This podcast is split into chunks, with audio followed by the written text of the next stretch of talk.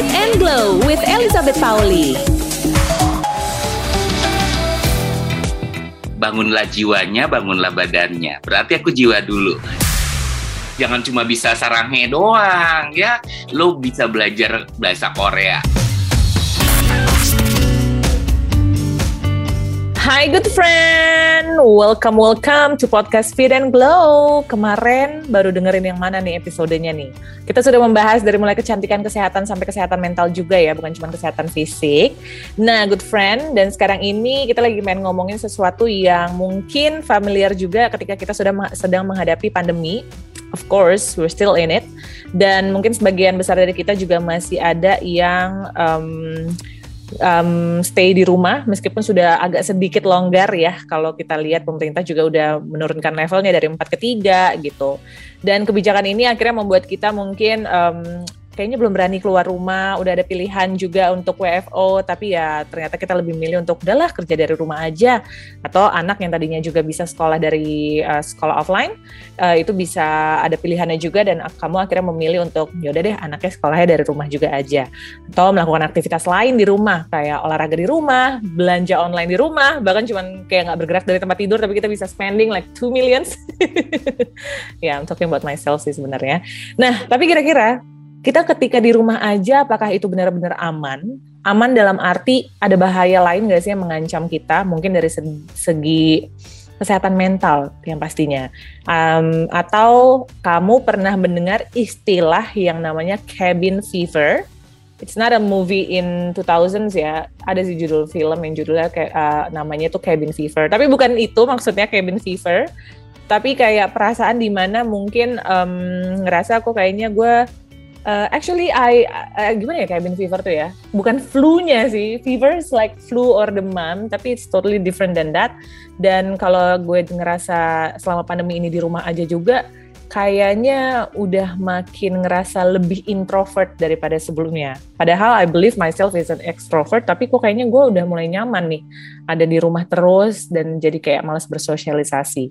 Tapi kita ngomongin soal cabin fever itu sendiri nggak bisa dari gue karena gue sudah mendatangkan ahlinya yaitu untungnya gue sedang bersama seseorang yang juga bernama Untung. Ada Mas Untung Subroto Darmawan, beliau dari clinical psychologist dan juga co-founder dan chairman Indonesian Art Therapy Community. Nice, ini pasti bakal banyak banget yang dibahas ya. Dan tentunya kita kali ini ngebahasnya tentang cabin fever. Nah, Mas Untung udah di sini nih. Hai Mas Untung, nice to meet you. Hai Elizabeth, apa kabar? Sehat mental? Baik, sehat mental dong. Meskipun, eh nggak tahu sih ngetesnya gimana ya. kamu percaya nggak mana duluan yang buat kamu sehat? Yang kamu perhatikan? Fisikmu atau jiwamu? Um, yang aku perhatiin tentu fisik dulu nggak sih mas? Soalnya kan kita lebih dapat bisa lebih ke detect ya gak sih? Oke, okay, berarti kamu uh, golongan mensana incorporesano di dalam tubuh yang sehat terdapat jiwa yang kuat gitu ya? Yes, betul. Kalau aku enggak, kalau aku oh. lagu Indonesia Raya. Bangunlah jiwanya, bangunlah badannya. Berarti aku jiwa dulu. Oh gitu. Jadi jadi itu itu kayaknya karena Mas Untung punya nasionalisme yang sangatlah tinggi jadi kayak ngikutin lagu Indonesia Raya deh. Cinta produk-produk Indonesia kayaknya ya. Betul betul betul. Tapi Mas Untung sehat physically and mentally right? Ya kalau aku sih ngerasanya iya ya. Aku sih ngerasa karena yang yang punya fisik aku yang punya jiwa aku. Jadi sekarang aku bilangnya sih aku sehat dua-duanya ya Alhamdulillah puji Tuhan nih. Tapi Mas Untung akhirnya bisa mengenal kesehatan mental dunia itu kan um, sangatlah dalam ya. Pasti mempelajarinya nggak tuh nggak cukup sehari dua hari bertahun-tahun. Emang udah berapa lama sih menekuni profesi sebagai psikolog? Uh, kira-kira lebih lah 10 tahun lah ya mulai aktif wow, uh, banget. uh, jadi psikologis kemudian juga mulai apa mengajar mulai praktek ya kira-kira 10 tahunan lah gitu. But you you this is the first time we met and you look happy. I mean psikolog tuh bukannya kayak serius dan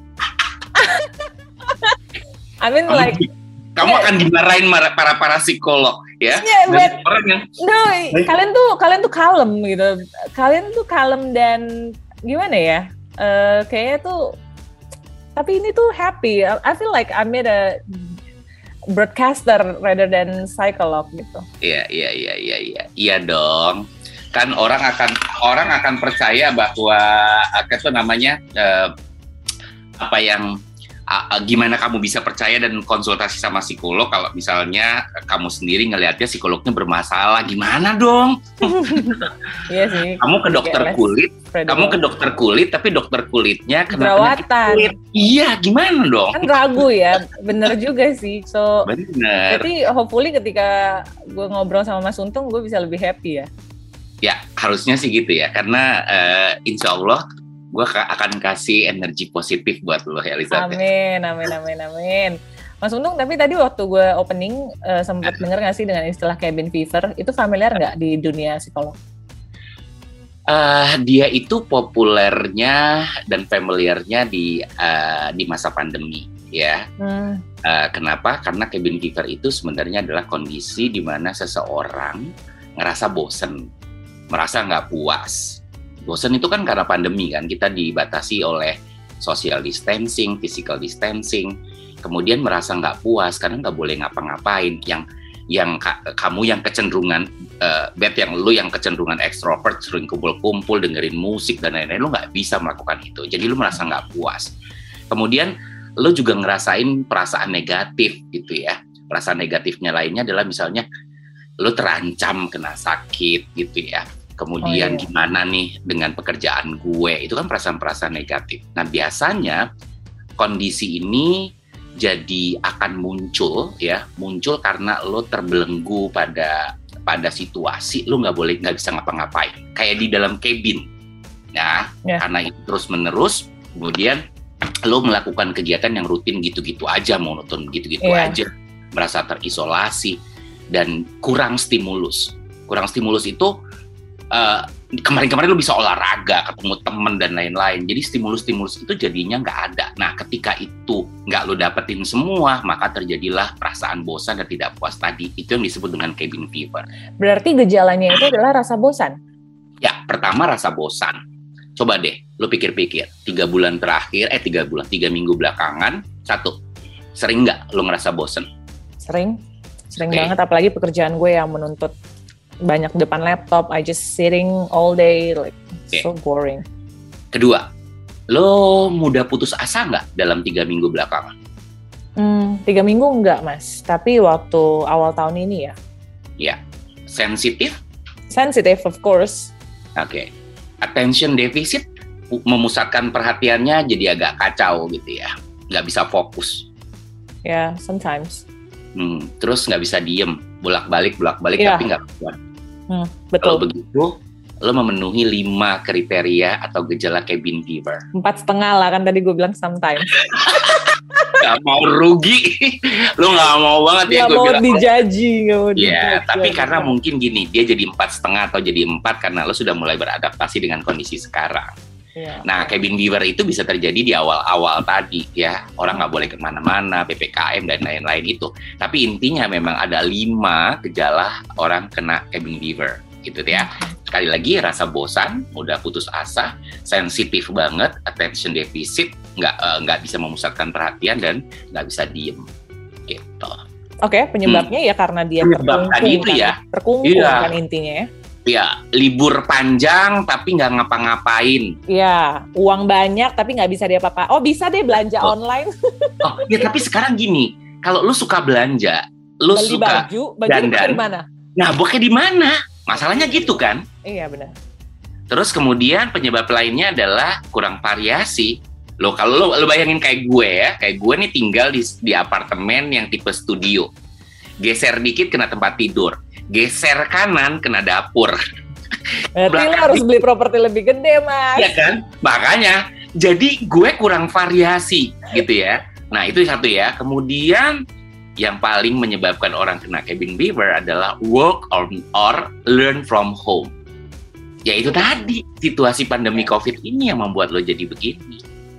Berarti orang yang rentan mengalami cabin fever itu adalah orang yang kerja dari rumah, belajar dari rumah, pokoknya Hmm. semuanya dilakukan di rumah ya. Ya, ya ibarat di dalam cabin lah. Iya, dream cabin. Oke, emang itu dampak yang dampak yang paling buruk tuh berarti kita ngerasa yang tadi ya sensitif, terus nggak bisa fokus, terus hmm. bosen, hmm. apalagi ya tadi ya eh, lima lima gejala itu ya. Nah, jangan lupa juga ya, pandemi COVID ini eh, menurut beberapa penelitian menyebabkan banyak orang yang mengalami kecemasan ya. Itu berarti dampaknya ya kan kalau misalnya dampaknya. gejalanya kan yang tadi lima hmm. lima gejala yang Mas Untung bilang. Dampaknya hmm. ternyata kecemasan ya, anxiety. Ya, jadi uh, awalnya tuh perasaan begitu. Kalau dia tidak bisa atasi kan dia akan meningkat kepada gangguan-gangguan yang lain. Nah, berdasarkan penelitian ya yang dilakukan oleh banyak uh, psikiatri bahwa pandemi ini menyebabkan angka orang mengalami kecemasan cukup tinggi. Yang kedua adalah gangguan depresi, ya gangguan depresi juga meningkat. Karena waktu pandemi COVID terjadi, akses untuk mendapatkan layanan kesehatan mental kan juga akan berkurang. Orang malas dan takut kan ke rumah sakit. Terus psikolog dan psikiaternya belum tentu juga mau ketemu orang kan waktu itu. Semuanya dilakukan lewat online. Lo tau nggak, gue tuh kalau nerima klien ya lewat online sekarang. Oke. Okay. Ya emang udah teknologi helps juga sih. Tapi works iya, nggak? Ya, works nggak mas? Susah, nggak nggak banyak ya. Nggak, ada hal-hal yang ya kalau cuma konseling aja gitu ya kayak lo punya masalah gitu ya kalau konseling itu kan masalahnya nggak terlalu berat ya bisa sih dilakukan dengan konseling online tapi kalau dia butuh terapi kan efektifnya sebenarnya tetap muka gitu banyak ada banyak beberapa terapi yang dilakukan lewat online tapi kan itu baru dilakukan pada periode ini efektivitasnya yes. belum terukur iya sih benar benar-benar nah gimana dong mas untung preventive actionnya apa atau mungkin ketika kita sudah mengalami cabin fever and then what should we do mengatasinya? Oke, okay. mengatasi cabin fever itu preventifnya dulu mas. Oh, nggak bisa dicegah ya? Bisa dong, bisa dicegah. Jadi uh, lo harus mikir gini, bahwa uh, mindset lo akan bilang begini, lo kaya, lo pinter, lo tajir melintir, lo nggak berseri, semua orang mengalami hal ini. Eh tapi kan itu kan bohong sama diri sendiri ya. tapi kan lo bilang begini, bukan cuma gua yang mengalami ini kondisi okay. terisolasi. Oh, so kita jadi ngerasa ada teman. Betul. Mana? Sekarang gue mau nanya, lo seganteng apa, secantik apa, lo kan tetap melakukan akan menjalankan hal yang sama sama semua orang di muka bumi ini. Stay at home, work from home, learn everyone from home. Ya, yeah, everyone. Iya kan? Lo punya duit banyak, sama lo nggak bisa ke mana-mana juga. Jadi berpikirlah bahwa lo nggak sendirian Oh, itu gimana cara kita prevent supaya kita nggak cabin fever nih, good friend? Iya, jadi lu nggak sendirian nih, gua juga sama. Yang kedua yang lo pikirin, ini nggak akan berlangsung selamanya. Precisely, bener sih. Jadi kita jangan terlalu overthinking, jangan terlalu semua dibawa depres gitu ya. Nah, yang ketiga, ini kejadian di luar kontrol kita. Tuh, yang pertama, uh, jangan merasa sendirian karena bukan cuma lo yang ngerasa ngerasakan ini tapi jutaan orang di dunia juga terkungkung di dalam rumahnya. Yang kedua, ini tidak terjadi selamanya. It will mm-hmm. stop mm-hmm. anytime. Dan yang ketiga adalah uh, ini di luar kontrol kita. Catat yeah. good friend. It's gonna prevent you to feel the cabin fever or okay. depressed. Nah, And how we deal with it kalau misalnya kita sudah menghadapinya. Oke, okay, uh, eh, dalam pandemi COVID orang itu akan berada pada beberapa zona Elizabeth ya. Pertama itu zona ketakutan. Lo takut banget kena. Maka lo akan tim akan men, apa itu namanya menimbun masker, beli susu, susu yang rebutan itu gitu ya. Itu nggak apa-apa wajar. Itu namanya reaksi normal di situasi tidak normal. Oke. Okay. Tapi lo nggak boleh begitu terus. Lo harus masuk ke zona belajar. Oke. Okay. Kan tadi takut, habis yeah. takut tuh belajar gimana handle ini. Lo harus nerima kenyataan, membeli barang secukupnya, nggak perlu lempar-lempar hoax dan lain-lain. Nah, setelah lo dapet ke situ, lo zona bertumbuh. Ya udah dong, tumbuhlah. Lakukan yang biasa bisa, yang yang dulu-dulunya lo lakukan. Bedanya lo di rumah. Nah, Eh, ciri orang bertumbuh itu kayak gimana sih? Dia udah mulai caring sama orang lain, ya dia mudah mendapatkan perilaku-perilaku positif yang dia lakukan. Dia berdiri sekarang, tapi tetap melihat masa depan, masih mikirin nanti kalau kalau COVID ini, ini berakhir mau gue mau pergi ke mana ya, gue mau pergi ke Sumba, gue mau pergi ke Bali, gue mau pergi ke segala macem. Lu lihat masa depan, lu berdiri sekarang, tapi lu belajar dari masa lalu. Nah, ciri orang bertumbuh kan begitu. Betul. Mas, tapi gue percaya cabin fever itu comes and goes. Meskipun bah? dia sudah sempat berpikir bertumbuh, tapi kayak ya uh, mentally dia kayak goyah lagi and then come oh, iya. gitu. Ya nggak sih? Iya. Lu, lu inget nggak waktu kita, waktu kita udah bertumbuh, tiba-tiba varian delta datang jebret yes. gitu kan lu balik lagi ke zona ketakutan iya. makanya itu yang disebut da daya lenting lu harus punya daya lenting ya jadi mental eh, jatuh ngelenting lagi gitu hidup itu kayak begitu gitu loh jangan lo jatuh terus lo tenggelam gitu kan yeah, nah lo yeah, yeah. harus punya perasaan uh, takut kemudian belajar tumbuh mm-hmm. datang lagi delta lo jatuh lagi ketakutan lagi lo balik lagi nah begitulah proses namanya kan hidup Iya betul betul. Nah tapi nah, oke okay, lanjut. Kalau lu tanya gimana nih Mas Untung cara ngatasin cabin fever? Yang pertama buat rutinitas baru. So we have to be kreatif juga ya, jangan terlalu iya kayak. dong.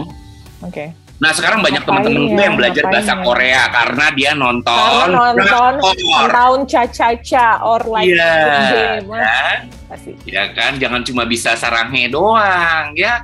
Lo bisa belajar bahasa Korea itu rutinitas baru. Sekarang tuh banyak banget tuh ya. Kemudian lo boleh melakukan yang namanya layout rumah lo lo rubah. Nah, biar nggak bosen. Jadi kayak hmm. renovasi dekorasi. Kemudian uh, lo bisa misalnya um, uh, bongkar tuh lemari lo, lo pisah-pisahin baju yang masih lo mau pakai, baju yang bakal lo buang, sama baju yang lo bakal sumbangin. Oh, Wah, gue selama selama gue uh, berada di rumah itu yang namanya lemari ya. Uh, uh, dapur gue itu udah barang-barang yang tidak perlu itu udah gue sumbang-sumbangin. Enak lo ngelihatnya ketika lo bisa nyusun baju-baju lo, barang-barang lo rapi, itu enak banget. Yang berikutnya tetap terhubung. Connected to other people out there? Iya. Yeah.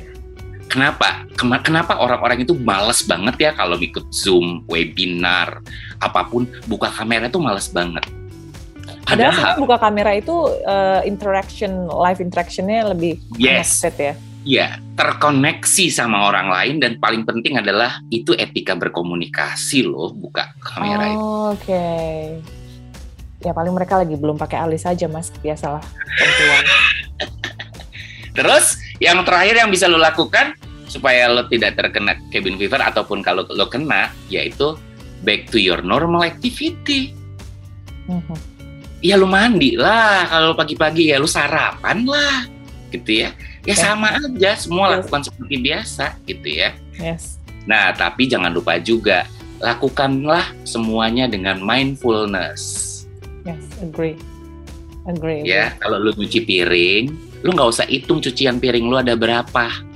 Cuci aja piringnya karena lambat laun oh. lu akan sampai kepada piring yang terakhir itu tips dan trik supaya tidak mengeluh mencuci piring.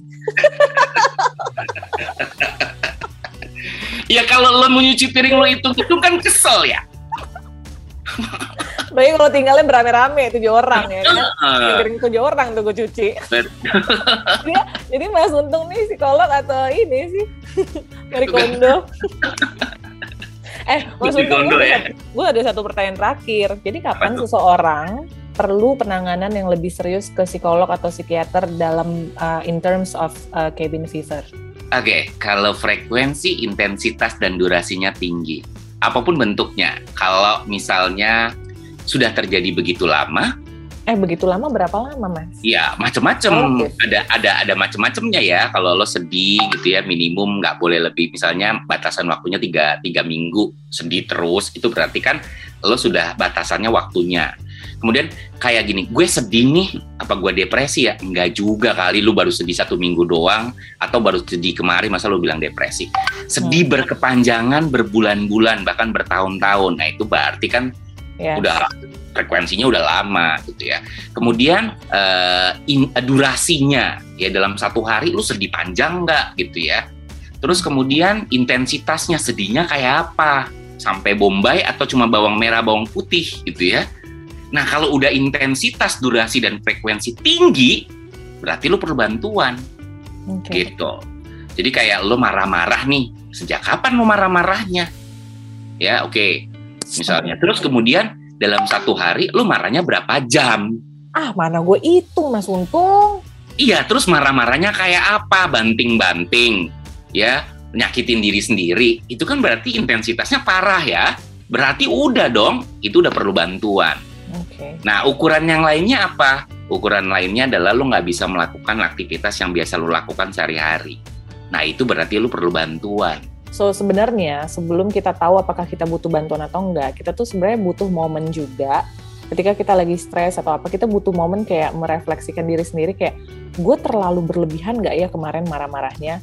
Gue terlalu berkepanjangan nggak ya kemarin marah-marah? And know yourself, apakah itu eh, berarti lo depresi atau tidak? Dan akhirnya lo tahu apakah a good friend perlu ke psikolog atau tidak gitu ya? Betul. Nah, So kadang-kadang don't be ignorant to yourself bahkan jangan. Hmm, kita sebenarnya memang juga kita harus sensitif sama diri kita ya. Iya betul. Tapi juga jangan self diagnosis ya. Iya, Kalau iya. self diagnosis kan kita, aduh kayaknya gue nih sedih terus nih ya, pasti gue Iya. depresi. Nggak gitu juga ya. Self diagnosis, diagnosis itu hanya diboleh diber- dilakukan oleh pro- profesional. Tapi kalau lu ngerasa bahwa gue ini tiga minggu ini sedih melulu, susah konsentrasi, kemudian gue semangat hidupnya nggak ada, gue nggak suka seneng-seneng. Dalam waktu satu hari itu banyak banget terjadinya, gue nggak bisa ngapa-ngapain gitu ya. Kemudian nangis gue luar biasa, sedihnya berkepanjangan. Ya berarti kan frekuensi intensitasnya cukup tinggi. Hmm. You need professional. Tapi bisa juga kadang-kadang hal itu tidak kita sadari, tapi orang lain yang menyadari. Jadi So we dengarkan need to juga. listen to them as well. Iya, orang juga kadang-kadang kenapa sih lo begini? Kadang-kadang kita suka denial ya. Enggak kok Atau feeling judgy. Hmm. Ya, eh, jangan lupa penilaian orang itu juga bisa dipakai, Yes. tapi kita juga harus nyadar gitu ya. Makanya kita tahu apa yang kita rasakan nggak apa-apa loh, ya. Jangan denial gitu loh. Kalau sedih ya bilang sedih gitu. Tapi sedih berkepanjangan, kemudian yang lain-lainnya itu yang mesti harus diperhatikan. And then satu lagi, Apa? jangan takut untuk datang ke profesional, gitu ya datang ke psikolog sama psikiater itu nggak mesti harus gila atau orang dengan gangguan eh, apa orang dengan eh, gangguan jiwa ya atau orang-orang yang eh, punya apa tuh namanya eh, sekarang nggak boleh lagi loh pakai kata-kata ter- eh, eh, terminologi gila ya nggak boleh. Iya. sekarang orang dengan gangguan jiwa ODGJ gitu ya. Nah banyak orang-orang yang malas datang ke psikolog dianggapnya kalau datang ke tempat konseling dan eh, tempat prakteknya psikolog dianggap mengalami sesuatu. Padahal kan enggak ya. Iya. Eh, kita itu melayani orang-orang dengan eh, permasalahan yang ringan sampai cukup berat gitu jangan datang ke psikolog kalau sudah berat ya Karena nanti psikolognya keberatan. Nggak ada bercanda. Mas Untung, thank you banget loh udah ngasih ngasih banyak informasi mengenai cabin fever, gimana Mhm. preventive actionnya, gimana cara nanganinnya, gejalanya, dampaknya. It's gonna be really useful to good friends yang mungkin awalnya dia tidak menyadari kalau ternyata dia cabin fever. Dan sekarang setelah mendengarkan podcast ini dia jadi tahu, oh ternyata gue mengalami cabin fever dan dia tahu first actionnya apa yang harus dilakuin. So thank you so much for spending your time here. sama-sama Really useful. Nanti kita ngobrol-ngobrol lagi ya, ngomongin hal lain. Yap. Dan good friend juga bisa follow langsung Instagramnya Mas Untung di @untungdarmawan D H A R M A W A N. Oke? Jangan lupa juga good friend bisa dengerin Fit and Glow di Delta FM, Bahana FM dan Female Radio dari hari Senin sampai Jumat jam 10 pagi sampai jam 4 sore. Untuk mendengarkan versi lengkapnya hanya ada di Spotify Emasima Podcast. Fit and Glow with Elizabeth Pauli.